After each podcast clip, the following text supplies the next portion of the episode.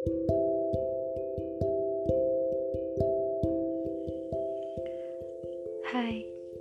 ketemu lagi dengan orang gabut yang suka curhat di Vita adalah aku. Jadi kali ini aku pengen ngebahas tentang uh, hubungan toksik. Ini menurut pengalamanku sendiri. Dan kalian juga uh, belum tentu yang aku bilang toksit itu benar karena nggak semua orang setuju kan dengan semua pendapat orang lain. Jadi toksit itu nggak cuman uh, hubungan kamu dengan laki-laki yang kamu cintai tapi hubungan toksit itu bisa dari pertemanan persaudaraan atau keluarga. Uh, jadi yang pertama itu uh, keluarga. Nah di sini uh, aku nggak ngalamin toxic keluarga karena menurut aku keluarga aku fun banget ibuku humoris uh, meskipun aku nggak begitu deket sama bapakku karena satu lain hal tapi menurutku keluargaku atau persaudaraanku toksik nah uh, yang kedua itu adalah masalah pertemanan.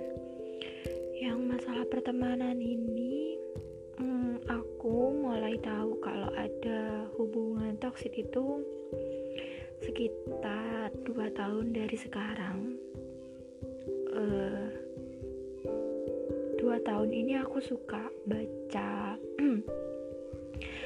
tulisan psikiater uh, karena udah banyak kan kayak psikiater psikiater psikiater yang uh, suka nulis di beberapa sosial media seperti Twitter atau Instagram atau blog tapi aku lebih suka di Twitter karena merasa lebih dekat dan uh, lebih enggak terkekang di, de, lebih apa lebih tidak terkekang di daripada di sosial media lain.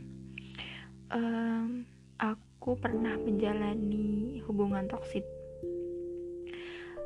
antar teman yang aku nggak nyaman sebenarnya, tapi aku tetap memaksa berteman karena aku adalah tipe orang yang tidak tega.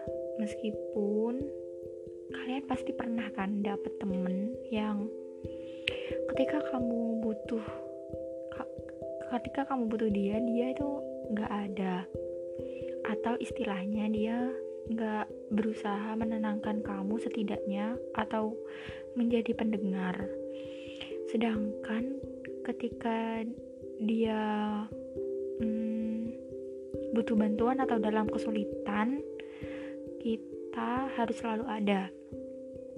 Menurut aku itu udah toksik banget ya. Dan aku ini kan termasuk perempuan. Nah aku nggak mungkin nggak pernah ngegibah.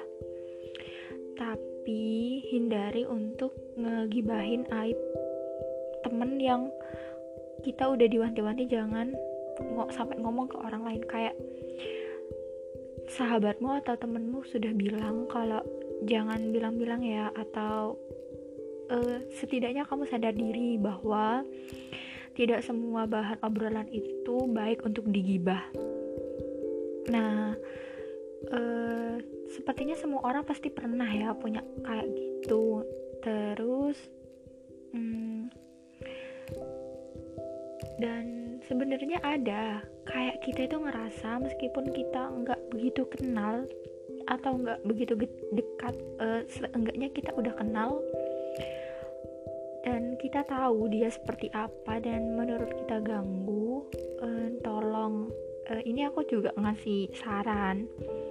Tolong uh, kamu jangan judge dia di belakang karena kamu kan nggak uh, dekat cuman tahu jadi menurut aku kalau uh, beberapa orang-orang yang kamu anggap toksik dalam pertemanan kamu uh, kamu bisa pergi seperti uh, mengeblok kalau dia uh, kayak hmm, ngeselin atau kamu bisa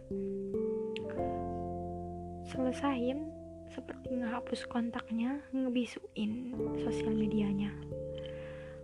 Karena menurut aku menurut aku cara itu efektif. Terus hmm, setiap orang pasti punya kayak toksi tersendiri ya di antara pertemanan. Nah saranku seperti itu. Daripada kamu masih ngeliat sosial media dia atau kamu malah ngegibahin dia kamu cuman dapat dosa uh, aku juga sekarang itu nggak ambil pusing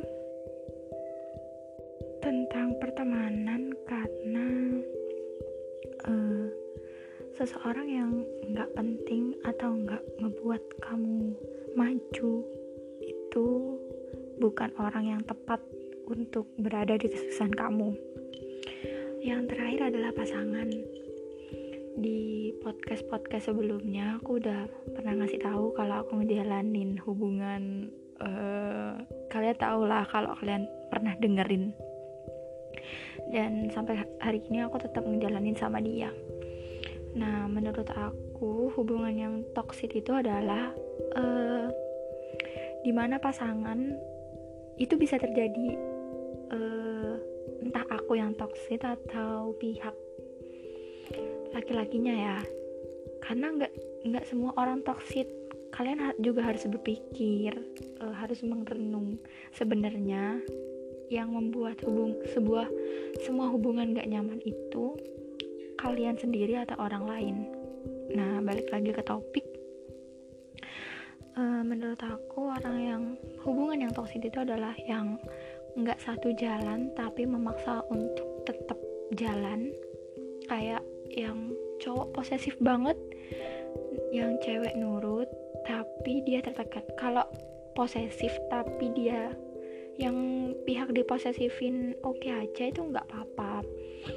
Nah terus kayak uh, perbedaan pendapat itu uh, menurutku nggak apa-apa ya. Soalnya semua itu pasti beda. Namanya juga beda keluarga beda lingkungan. Uh, seperti kayak pertemanan toxic menurutku dalam hubungan adalah di mana udah nggak sesuai. Uh, terus uh, salah satu merasa tertekan. Tapi kebanyakan orang ngejalanin sesuatu itu seperti dia ngejalanin pertemanan atau hubungan uh, istilahnya pacaran atau ngejalanin uh, komitmen dengan lawan jenis terkadang mereka takut untuk pergi dari hubungan toksik karena karena mereka takut kayak hmm, orang sekitar nggak ada yang mendukung.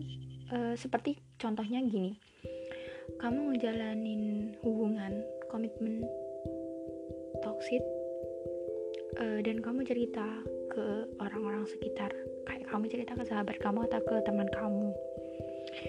Dan kamu udah ngelasin kenapa kamu merasa tertekan kenapa kamu ngerasa ini udah enggak banget. Uh, seperti itu.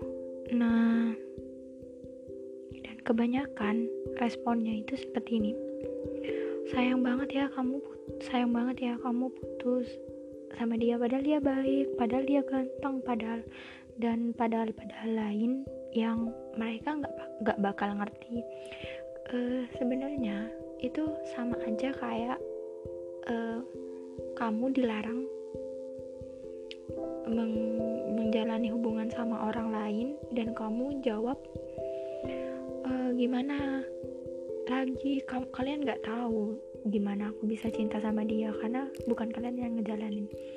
Nah seperti itu juga kalau kalian curhat atau cerita masalah kalian ke teman kalian dan respon teman kalian malah uh, tidak mendukung uh, keputusan kalian untuk lepas dari toksik ya karena dari awal pasti kan yang di share itu yang baik-baik yang ngerasain kan sebenarnya kalian nah dan bicara tentang toxic itu bicara tentang keputusan kalian atau uh, kayak gimana ya kayak itu tanggung jawab kalian karena sebelumnya kan yang memilih itu kalian untuk berteman atau menjalani komitmen.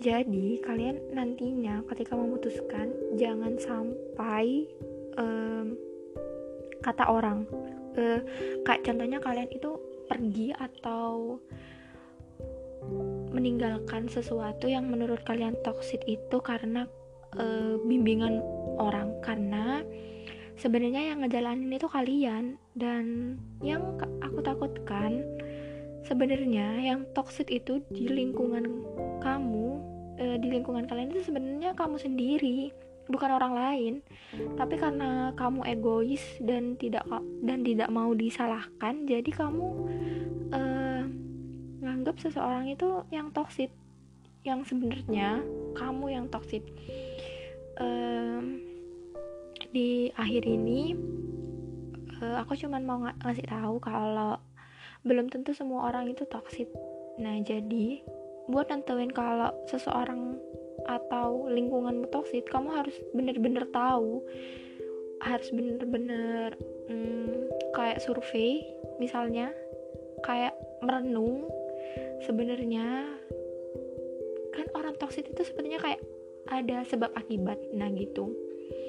Jadi kalian kalian harus tahu dulu sebab mereka toksik di hidup kamu. Siapa tahu yang kamu egois dan tidak mau mengerti atau kamu yang merasa kamu selalu benar dan kamu tidak pernah mau disalahkan jadi kamu menganggap uh, orang lain adalah toksik uh, sekian dari segmen kita kali ini. Semoga aku um, rajin curhat untuk menemani gabut kalian. Oh ya, oh ya, uh, gimana kegabutan pas waktu corona ini, waktu semua from home, kalian udah nemuin kesibukan atau tetap rebahan gak jelas? Hmm, aku harap kalian cepet nemuin kegiatan yang bikin kalian gak gabut ya buat kalian yang yang gabut banget harus ngapain. Um, udah ya sekian dari aku uh, selamat jumpa kembali di podcast podcast atau curhatan curhatan aku yang lainnya. Bye bye